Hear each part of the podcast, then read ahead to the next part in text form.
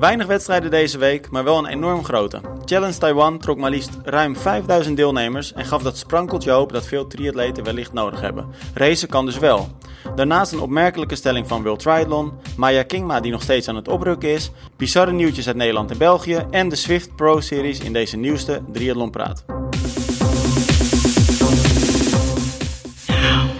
Ja, bizarre nieuwtjes, Romy. Ehm, ik zag deze week ook iets bizars uh, op tv. En ik moet zeggen, ik weet dat jij het ook gezien hebt. Uh, de tranen liepen over mijn wangen, moet ik heel eerlijk zeggen. Ik heb een vraagje. Ik ga vanavond voetbal kijken, misschien morgenavond. Mm -hmm. uh, wil jij misschien een paar plakjes kaas voor me snijden? Waar heb jij het over? Weet je dat nou niet? Nee? je hebt het zelf naar mij gestuurd, hè? Huh, heb ik dit naar jou gestuurd? Ja, ja, ja, ja. Dat programma van Lang Levende Liefde met die oude man. Oh, maar dit stukje heb ik gemist. Was dat met die gekke mensen die zo over die horoscoop? Ja, ja, ja. Dat was toch met die, uh, oh, die oude stuk... man wat jij naar me stuurde, die zo boos werd met die, uh, met die oude vrouw. Oh, ik denk dat ik even naar de wc was op dit stukje. Oh, echt? Nou, dan moet je me even terug gaan kijken hoor. Oké, okay, ga ik doen. Ik, ik, ik, denk, ik maak even een leuk beginnetje, maar die gaat dan wel, uh, valt helemaal in het water nu. Maar ik begrijp het meteen niet. Ja, ik denk het gaat over voetbal en ik, ik zal dit dan wel niet weten. maar volgens mij denken de luisteraars nu al helemaal, waar gaat dit over? Ja, het is wel grappig, want ik moest vooral heel erg lachen. Want er, dat is een programma op tv, dus dat uh, twee mensen worden in een huis gestopt 24 uur lang. En uh, er was een wat uh, oudere man en vrouw. En toen op een gegeven moment. Ze ja, waren al even te, nog even, want, want ze worden inderdaad 24 uur in huis gezet. Maar dan is het dus het idee dat ze dan daarna beslissen of ze eventueel langer mm -hmm. met elkaar nog in het huis willen blijven. En het uiteindelijke doel is dan om eventueel een relatie aan te gaan, hè? Ja, ja maar ja. Het, gebeurt, het gebeurt vaak dat ze elkaar een soort van de tent uitvechten, zeg maar. nou, niet vechten, maar dit waren echt allebei een beetje bijzondere mensen gewoon. Maar goed, zo worden ze ook gecast, denk ik. Maar en toen, ik moest dus vooral heel hard lachen. Want dat ochtends ging die man, uh, toen zei die vrouw van lees de horoscoop eens aan me voor. Dat zei ze ook best wel dwingend. Toen ging die man dat voorlezen en toen stond dus, toen ging hij eerst haar horoscoop voorlezen. Nou, daar kwam niet zoveel boeiends uit. En toen zijn eigen horoscoop en er stond in... Ja, laat niet over je heen lopen en laat iemand anders niet voor jou bepalen wat je moet doen of zoiets. en toen zei zij: stop met lezen. Omdat het er niet zinde. En toen zei hij: ja, dat laat ik jou niet bepalen of zo. Zij past het meteen toe. Maar hij liep ook echt woedend gewoon weg, hè? Ja, ja. En nee, maar daarna zei ze heel lief: want, kom want eens bij stuk... mij op de bank zitten. Ja. ja. Moet maar, maar even kijken. Jij moet het echt even terugkijken, Romy. Want die avond ervoor zat, zat hij dus voetbal te kijken. En volgens mij was het Ajax. Of het was in ieder geval een Nederlandse club die in de UEFA Cup speelde. Of de Champions League. Mm. En um, toen probeerde hij haar, eigenlijk een beetje over te halen. Om, uh, om ook uh, ja, mee te kijken. Maar zij zit op de mobieltje. Maar dat programma laat dan ook zien, zeg maar in de vorm van een tekstje op het beeld, laat ze dan zien wat die vrouw aan het appen is. En die was dan een vriendin aan het appen. En ze was alleen maar aan het appen van, ja, het is een verschrikkelijke man en ik heb niks aan hem. En, maar hij was eigenlijk de rare, hè? want nu klinkt het alsof zij heel raar was, maar hij was nou, vooral heel erg raar. Ja, hij okay. werd op een gegeven moment een beetje boos dat ze geen voetbal wilden kijken. En toen zei hij op een gegeven moment, uh, ja, ik zou nu wel uh, trek hebben in, een, uh, in wat kaas. Wil jij even wat kaas snijden? nou, die vrouw die zei gelijk, ja, doe het even lekker zelf, dat kan je toch ook zelf? En toen zag je echt zijn blik op onweer en toen... Ja, toen ging hij een beetje terug op die bank zitten en toen hoorde je hem een beetje zo morren. En toen zei hij, ja, nou, dit begrijp ik nou echt niet hoor. Dat je nou niet even een paar plakjes kaas wil snijden. Ongelooflijk. en toen zag je, haar, zag je haar weer een paar berichtjes sturen. Ja, nu wil hij dat ik kaas ga snijden. Maar dat kan hij toch gewoon zelf? maar serieus, dit soort mensen, hoe is dat mogelijk? Ja, het is echt ongelooflijk. En ik weet ook eigenlijk niet waarom we dit nu bespreken op, in deze podcast. Maar ja, ik heb zo gelachen. Het heeft overlapping met triathlon natuurlijk. Want hij keek voetbal. Voetbal is sport. Ja, maar hij ging op een gegeven moment ook opdrukken. Heb je dat ook gezien? Nee, ik moet hem echt even terugkijken. Ik heb veel ja, je hebt echt je hebt de mooiste stukjes gemist. En dan ging hij hardlopen door de kamer, want hij, want hij was 78, hè? En dan wilde hij even laten zien hoe fit hij was. Nou, dan ging hij een rondje door de, hard, door de kamer hardlopen. En dan ging hij vervolgens opdrukken. Nou, het ging echt ontzettend stijf natuurlijk. En dan hoorde, zag je die vrouw echt kijken van, wat is hij nou aan het doen? En toen zei ze nog, ja, denk je om je hart? Ja, ja, ja, ja, ik ben hartstikke fit. Ik ben hartstikke fit. ja, mooie tv. Nou, zoals jullie ja. horen, we hebben een hele goede smaak voor tv. nou ja, af en toe is het wel lekker, toch? Na een drukke werkdag. Ja, van die guilty pleasures. Echt Precies, verstand, verstand, op nul en gewoon even lekker uh, niks mm -hmm. doen eigenlijk. Ja, ja, zeker. Ja. Hey, laten we het wel over uh, toch belangrijkere dingen hebben. Of in ieder geval dingen die belangrijker zijn voor deze podcast. En dat is natuurlijk uh, triathlon. Um, ik vond het opmerkelijk. Um, en dan heb ik het over het nieuws van World Triathlon. En... Um, Ja, zij hebben vorige week een bericht naar buiten gebracht. Of begin deze week. Nee, eind vorige week was dat. En ehm, in dat bericht gingen ze eigenlijk een beetje in op uh, hoe ze het coronavirus hebben beleefd. Of nog steeds aan het beleven zijn natuurlijk. Het is nog steeds hot uh, nieuws. Um, En toen gaven ze eigenlijk aan in dat bericht. Want er zijn, ja, wat, wat is het? Een stuk of zes, zeven wedstrijden hebben ze door kunnen laten gaan. World Cups, het WK Paratriathlon onder andere. Nou ja, WK in Hamburg natuurlijk. Uh, de meest recente de wedstrijd in Valencia, de World Cup daar. Nou ja, goed, heel veel wedstrijden natuurlijk. Heel veel meer wedstrijden die niet doorgingen. En toen hebben ze aangegeven ehm, ja, weet je, we zien heel veel hoop. We hebben heel veel hoop dat het volgend jaar beter zal zijn. En we zien ook positieve punten die we meenemen van dit jaar. Um, maar de conclusie die ze eigenlijk een beetje trokken was: ja, het is heel makkelijk om overal de stekker uit te trekken, maar dat doen we niet. En ja. ik las dat en eigenlijk las ik het zonder daar een, een mening bij te hebben. Want ik dacht, nou, klinkt eigenlijk logisch, hè? Ja. Maar toen las ik het nog een keer later en uh, toen hadden wij het er ook eventjes met elkaar over. En toen dacht ik eigenlijk bij mezelf, en volgens mij dacht jij precies hetzelfde. Het is best wel een opmerkelijke stelling. Uh, want ze, wat zij zeggen is, het is makkelijk om overal de stekker uit te trekken. Maar volgens mij is er geen enkele organisatie die het makkelijk vindt om dat besluit te nemen. Om het besluit te nemen die wedstrijd niet door te laten gaan. Ja. ja, het lijkt me niet makkelijker om te zeggen van we doen het niet dan we doen het wel. Dat, dat kan gewoon niet echt makkelijker zijn. Dat is gewoon nee. een hele moeilijke afweging. Dus maar, gaan dat... wij denk, maar denk je dat wij dan te ver doordenken? Of is het... Um, ja, nou ja, ik weet niet. Maar ik had dus, ik had daar, dat vond ik ook, wat jij nu zegt, vond ik al gek. Maar ik had zelf ook dat ik dacht van, het klinkt ook een beetje arrogant. Dat vond ik, dat, dat was het eerste hoe, ja, wat bij mij hoe het zo overkwam. Op mij kwam het echt zo arrogant? over van, hè? In welk opzicht arrogant? Nou, het lijkt net alsof ze echt zo zeggen van... Uh, wees maar blij dat we nog iets voor je organiseren. Want voor ons uh, had het niet gehoeven. Voor ons is het eigenlijk makkelijker om gewoon de stekker eruit te trekken. Ja, maar het zijn toch... Want, want ik weet dat jij dat eerder ook tegen mij gezegd hebt... maar toen zat ik daar nog even over na te denken. Maar eigenlijk zijn het voornamelijk hun eigen wedstrijden, toch? Ik bedoel, ze organiseren niet in naam van iemand anders of zo. Ze nemen alleen een soort van lokale organisaties soms over. Ja, uh, maar zeker wel in het geval... met een ja, ze werken samen. Maar in het geval van een World Cup ligt dat natuurlijk toch iets anders. Ja. Want zij hebben er wel degelijk heel veel belang bij dat een World Cup doorgaat. Ja, maar daarom snap ik dus inderdaad ook de hele opmerking niet. Maar ik vind het dus ook echt klinken zo van... Um, dat, ja, alsof ze eigenlijk zichzelf op de schouder kloppen... dat ze zo hard hun best doen om het door te laten gaan... omdat het niet door laten gaan eigenlijk de makkelijkere optie is.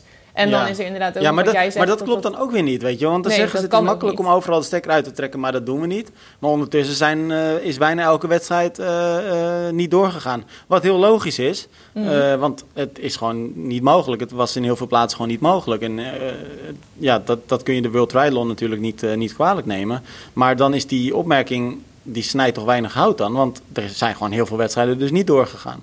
Ja, nou in ieder geval is het sowieso al een opmerking die een beetje raar valt blijkbaar, want we snappen hem allebei niet helemaal.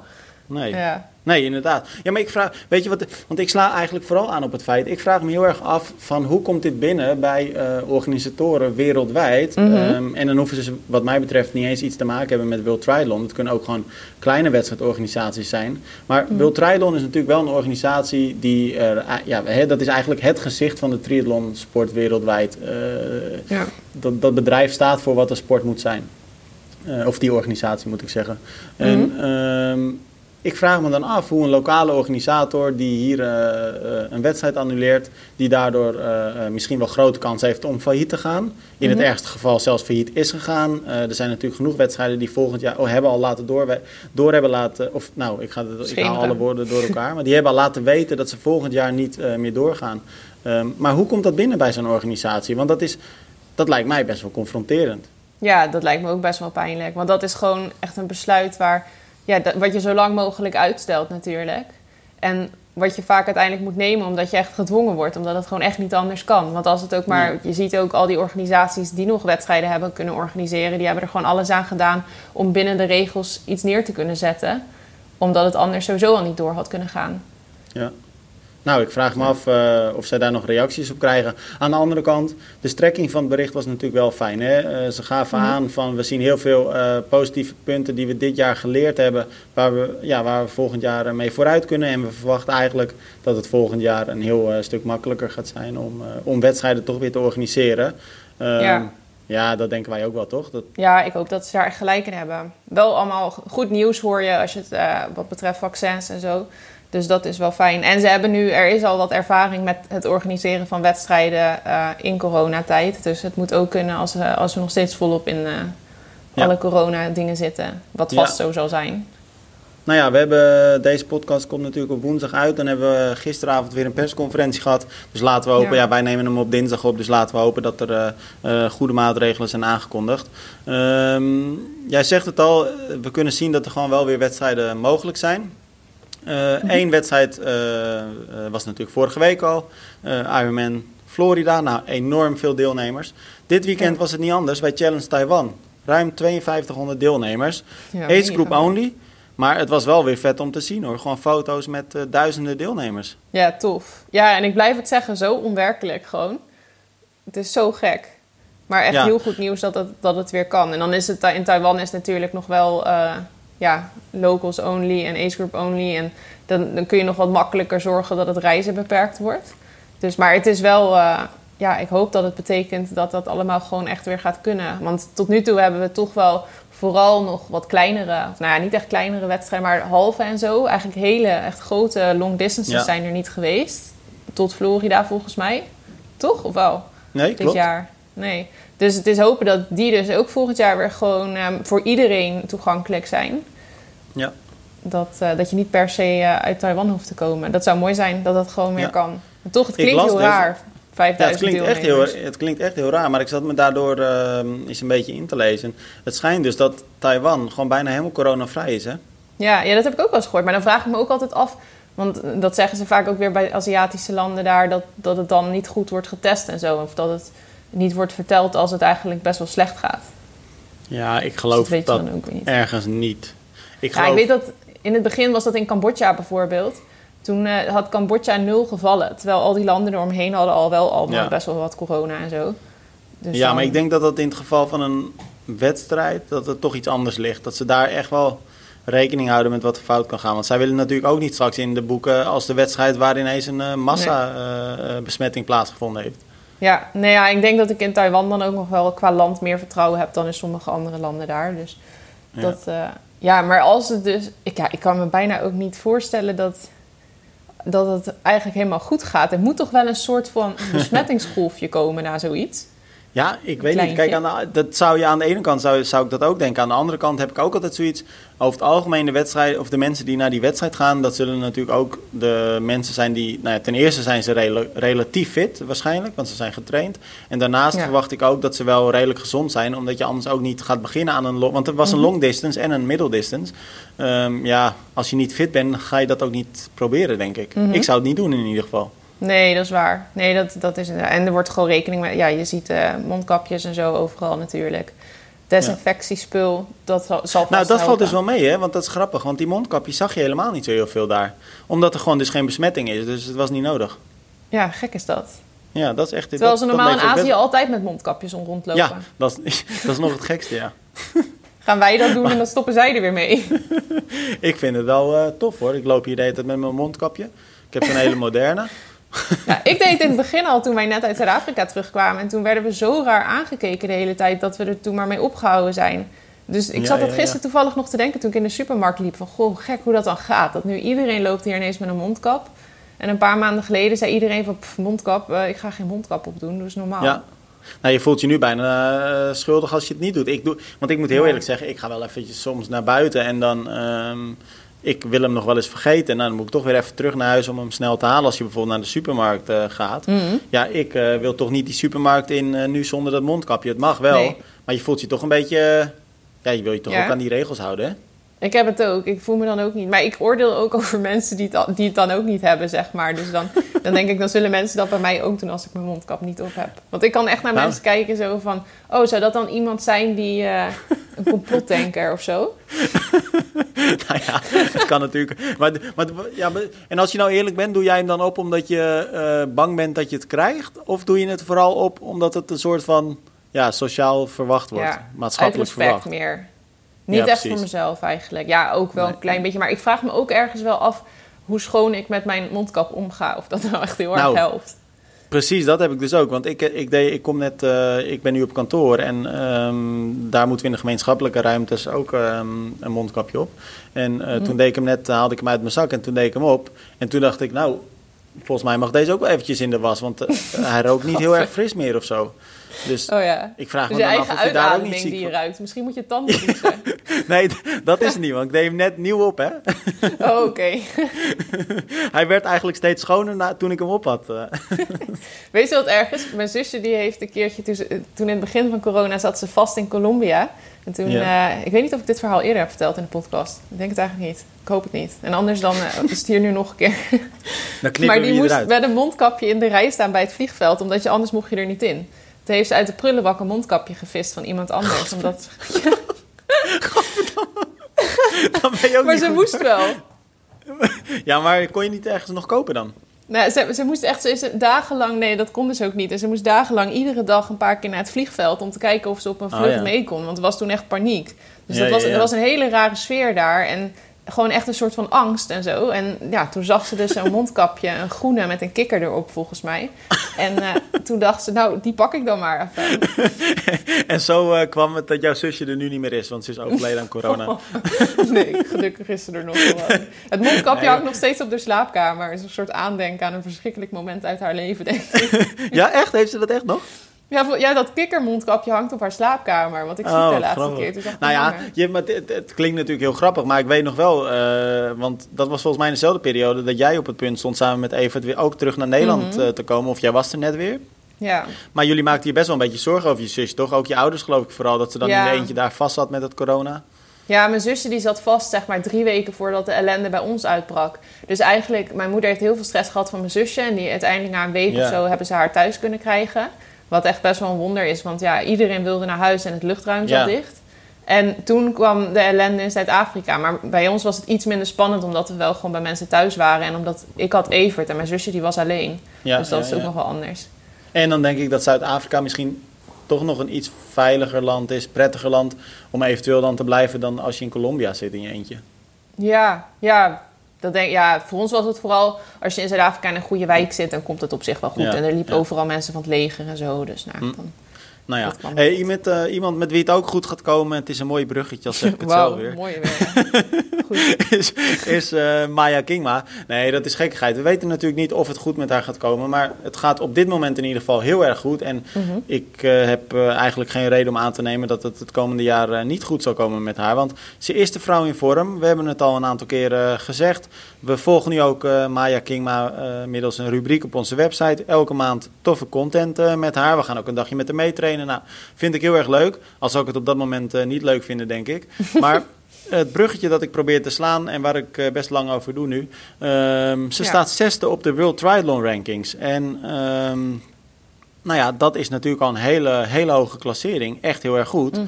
Maar ze is daarmee ook eh, voor het eerst voorbij aan Rachel Klamer, achtste. Ja, En ehm, dat is best wel een prestatie. ja.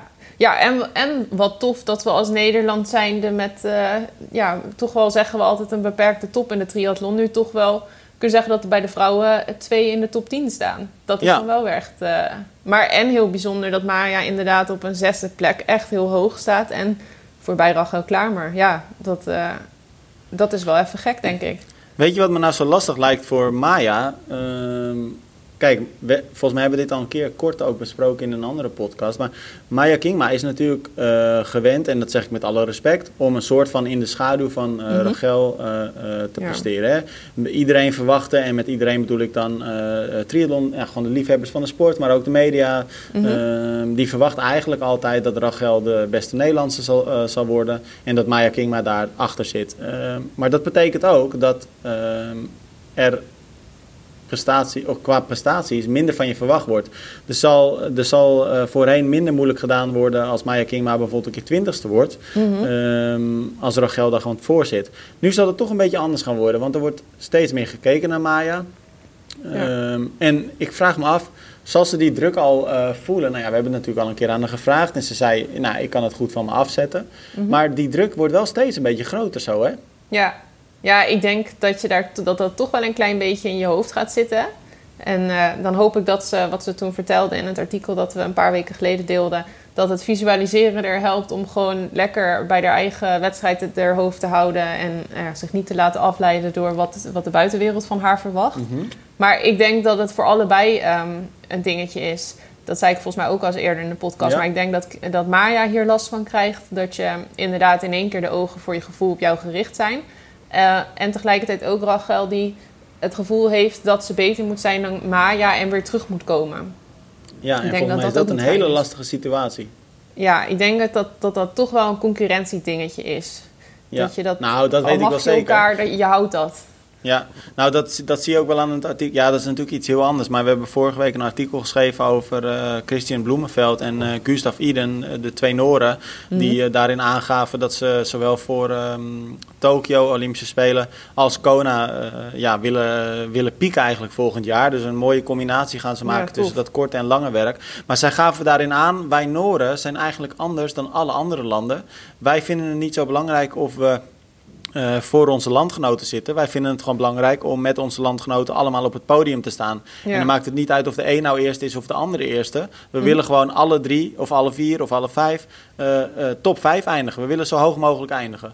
Um, en nou ja, wat ze daarmee dus zeggen is, bij elk land is dat eigenlijk niet zo. Daar willen ze gewoon, kijkt iedereen naar het beste van je eigen land worden. En mm -hmm. volgens mij is dat wel zo, want Um, dit geldt niet specifiek voor Maya en uh, Rachel, maar eigenlijk altijd als je een triatleet belt, hebben ze het altijd wel een keer over dat ze dan nou ja, voor hun landgenoot zaten of, of erachter. Mm En uh, dat koppelen ze eigenlijk altijd aan uh, tevredenheid of teleurstelling. Ja, en zeker in Nederland moet je eigenlijk niet echt bezig zijn met voor je landgenoten zitten. Want het is nou niet alsof dat dan... Kijk, als je in Noorwegen voor je landgenoten zit, dan doe je het meestal sowieso al heel goed. Maar als dat in Nederland het geval is op een lange afstand bijvoorbeeld, dan zegt dat echt helemaal niks vaak. Nee, maar als je dan nu weer dan wel dit betrekt op Kingma en uh, mm Klamer, uh, Maya en Rachel, Rachel, dan, heb je, uh, dan ga je wel lekker, want dan zit je dus 6 en 8. Dat zijn mooie rankings. Ja, maar je, ja, ja, ik denk dat het, het kan wel helpen als je, als je dan als het uh, op die manier werkt. En als dat hetgene is wat je motiveert. En het motiveert je op zo'n manier dat je het er ook daadwerkelijk beter door doet. En dat je het je niet alleen maar. Want het kan dus natuurlijk ook tegen je werken. Maar als het je motiveert, dan is het mooi. Want dan heb je wel, dan strijd je ook tegen iemand die gewoon uh, ja, in de top van de wereld thuis hoort. Ja. Maar ik vind die Noorse mentaliteit wel mooi, wat jij net zegt. Dat is ook echt, ja, ik hou er wel van. Sowieso, die Noren zijn zo um, hard voor zichzelf. Die ja, maar en ook heel, ja, hoe zeg je dat? Down to earth, hoe zeg je dat? Uh, ja, ja, down. ja, heel nuchter eigenlijk. Hè? Ja, ja, beide voeten inderdaad op de aarde, nuchter en. Uh, maar dat, dat zijn ze wel, toch? Ja, ja, ja ik, we hebben een tijdje getraind, of niet ik, maar Evert heeft veel getraind met een... Uh, hij was dat, langs was, was dat, in, de tijd, in de tijd dat jij nog voor Tokio probeerde te ja, kwalificeren? Ja, ja, net niet gelukt. Toen op een gegeven moment dacht ik, ik ga gewoon podcast maken erover. Dus, nou, ik zat eh, die, die, uh, die triathlon ranking zat ik nog uh, door te scrollen, maar ik, ik kwam je inderdaad niet tegen. Nee, je moet een paar keer, als je naar rechts scrolt, dan op een gegeven moment dan kom je wel tegen. maar goed, wat wou je zeggen? Even um, trainen met... Ja, nee, die trainde dus met een Noorse atleet. En die, um, ja, hij was agegroep. Hij is nu prof uh, geworden sinds dit jaar. Of nee, dat wilde hij dit jaar worden. Maar goed, dat is natuurlijk niet echt wat geworden dit jaar. Maar um, die heeft ook wel eens getraind met die Gustav Iden. En die traint wel met, met meerdere Noorse topatleten. En die heeft Dat is toch niet die, uh, die jongen van wie we toen ook nog dat filmpje hadden gedeeld? Ja. Want dat was toch... Oh, wel? Ja, klopt. Tom, oh, ja, Tommy okay. Armani heet hij. Oh, ja. En wel, uh, wel een goede atleet. Niet, niet als profatleet nog dus of zo. Maar in ieder geval wel iemand die een beetje in het wereldje zit. En iemand die mm. gewoon echt heel erg graag het goed wil doen. En daar keihard voor werkt. En die mentaliteit van hem was gewoon ook echt zo gestoord sterk. Want ja. ja, ook wel op een manier dat je soms denkt van... ja, is dat nou dan slim? Maar ja, mm -hmm. ze hebben daar wel een paar atleten waarvoor het werkt. Maar er zijn dus ook wel eens van die dagen dat hij dan... dan voelde hij zich heel slecht of zo, was hij heel moe... Ehm, of dan hadden we de dag daarvoor, hadden we, nou hij dronk trouwens geen alcohol, maar dan waren we uit geweest. En dan Mhm. hadden we wel eh, een beetje een gezellige avond gehad of zo. En dan waren wij de volgende dag zo van, nou, even Rustig later aan. beginnen of zo, weet je wel. Maar hij ging altijd trainen. Er was gewoon Ja. eigenlijk geen reden om niet te gaan trainen. Ja. Dat, Ik weet nog dat jij vertelde, eh, eh, dat dacht ik me in ieder geval te herinneren, dat Evert dan ook wel eens een, eh, ja, een duurloop ging doen met die, hoe heette die? Een Italiaanse naam was het, hè? Ja, Tommy Armani. Maar Ja, het is dus een Noor, gek genoeg. Ja, precies. Maar ik wist dat het inderdaad een Italiaanse naam was. Ja. Maar met die Tommy dus. Maar dat, dan heb ik het over een duurloop van bijvoorbeeld 30 kilometer. En dat Evert zich dan ook best wel eens kon irriteren dat die jongen eigenlijk altijd tempoblokken ging lopen. Hè? Dat hij zich nooit inhield of zo. Ja, er was toen een keer zo'n training en toen had Evert eigenlijk de hele training een beetje zo het gevoel gehad dat hij het zwaar had. En toen op het einde, toen had Evert, toen zouden ze dan juist een wat rustiger rondje moeten lopen. Maar toen ging hij in één keer heel overdreven hardlopen. dat is toch een soort van dat je er dan toch een wedstrijdje van wil Ja, maken of ja. zo. Terwijl Evert dacht van kom, we zijn gewoon samen aan het trainen. Wat is dit nou? Ja, ja, ja, ja, En, maar. Evert laat zich dan wel weer meeslepen. Want dan zegt hij, ja, maar dan heb ik toch geen zin. Dan ga ik het toch ook aantrekken, zeg maar. Dan, Ja, je wilt toch ook niet aan achterblijven? Nee. Nee, dus dat is dan... Maar ja, dat is typisch sporters natuurlijk. Die moeten dan toch wel weer laten zien dat ze dan de snelste zijn. Ja, dat zegt toch wel weer wat over je winnaarsmentaliteit ook, hè? Ja, kunnen ze Ja. niet laten. Nee, nee, nee. hey, maar dan Maya Kingma, of Maya Kingma en eh Rachel Klaam nog even. Want Mhm. wat ik eigenlijk wilde zeggen, eh, want wat jij net zei, ik, ik geloof daar ook heel erg in. Dat ik denk dat het voor Rachel best wel pittig is eh, om dit naast je neer te zetten en gewoon bij jezelf te blijven. Mhm. Ik denk, en het is niet leuk om te zeggen, en ik hoop ook dat ik volgend jaar kan zeggen dat ik er helemaal naast zat. Maar ik denk dat Rachel ehm, deze Olympische Spelen geen enkele rol van betekenis gaat spelen. Ja, dat Weet je waarom ik dat is- denk? Omdat, Nou? Ten eerste omdat zij nu dus dit heeft, waarmee Mhm. ze... eh, Ik, ik denk dat Maya echt in haar hoofd gaat zitten. Ja, dat denk ik ook. Maar ze heeft natuurlijk ook, en dat hebben we ook al een aantal keer gezegd, het overlijden van haar moeder. Mhm. Ehm, dat is natuurlijk... eh, Dat heeft een enorme impact op iemand, dat is logisch. Mhm, Ja. Eh, maar je, hebt, je ziet de afgelopen wedstrijden, zie je Rachel ook... Ik geloof dat ze wel drie keer huilend over de finish is gekomen... omdat het niet ging zoals ze wilde. ja. Nou, dat is echt lastig om van je af te zetten. Mhm. En ik denk dat, weet je, het is al een raar jaar waarin er ja, relatief weinig geraced wordt. Dus je kunt het ook wat minder makkelijk van je afzetten. Mhm. Ik denk dat het een hele dobber gaat worden om eh, ja, haar shit weer op de rit te krijgen, zeg maar. Ja, nou, ik denk dat het enige wat we kunnen hopen is dat, dat eh, Rachel nu goed, dat deze periode van rust haar goed doet. Want ik denk Ja. dat als we zo door waren blijven gaan, dat het steeds, eh, ja, iedere keer weer huilend over de finish. Omdat je dan jezelf zo op gaat vreten en zo, ja, dat dat gewoon mentaal niet lekker zit, zeg maar. Ik denk dat, ja, wat nog kan helpen is nu even een tijdje rust en dan volgend jaar gewoon weer er tegenaan gaan. Maar ja, of ze rol van betekenis gaat spelen op de Spelen. Wanneer vind je dat ze dan een rol van betekenis speelt? Top 10. Top, top 10, ja? Ja. Ja, ik weet niet. Eigenlijk top 5 bij de vrouwen? Ja, dat kan ik me niet echt voorstellen. Nee. Want het is Maar ook hoe- een... Hoe Ja. gaaf zou het zijn als ze allebei top 10 finishen? Dat zou ja, toch dat zou te gek zijn? zijn. Maar ik denk dus dat als bijvoorbeeld... eh, want voor Maya is het natuurlijk ook nog de vraag of ze de Spelen haalt individueel. Het zou super tof zijn als dat lukt. Want dat moeten we nog maar gaan zien. Ehm, en dan, ik denk als Maya meedoet aan de Spelen, dat het eh, lastiger... Dus dat, ja, wat we eigenlijk net ook deden zeggen... maar dat het dan ook weer lastiger wordt voor Rachel. En omdat je dan eh, eerst de enige was die daarheen ging... en omdat je dan dus dat gevoel krijgt van...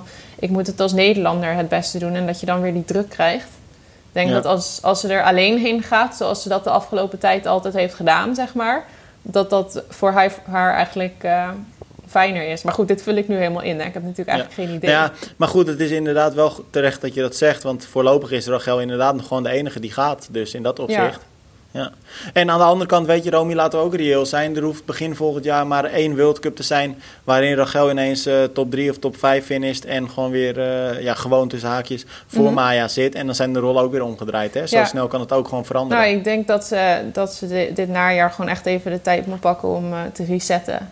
Ja, nou, mensen die ook moeten resetten, dat zijn hele bijzondere lopers. Want we hebben twee eh, toch wel opmerkelijke berichten op de website gehad. En dat ehm, eentje vanuit eh, België, eentje vanuit Nederland.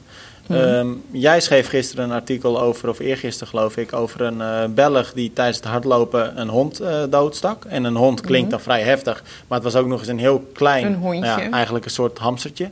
Oh, ja, het is echt een heel klein Maar- hondje. Ja, echt dat je denkt, waar haal je het vandaan? En dan hadden we gisteren ook nog een bericht over een hardloper die twee voorbijgangers eh, helemaal uit het niets heeft neergeslagen. Hij riep eh, corona en sloeg ze vervolgens in het gezicht. Eh, dat zijn toch krankzinnige berichten? Nou, wat is er aan de hand met die mensen? Lekkere ik- reclame voor hardlopers. Nou, inderdaad, want ik zat ook een beetje op, op wat voorraad te kijken. En precies dat kwam naar voren. Maar ik, ik weet ook niet zo heel goed wat we hier nou nog verder over moeten zeggen. Maar ik las dit en ik dacht. Ja, weet je, we hebben wel vaker van die berichten dat we tegen elkaar zeggen van waar gaat het heen. Mm. Maar deze valt toch wel weer in die categorie.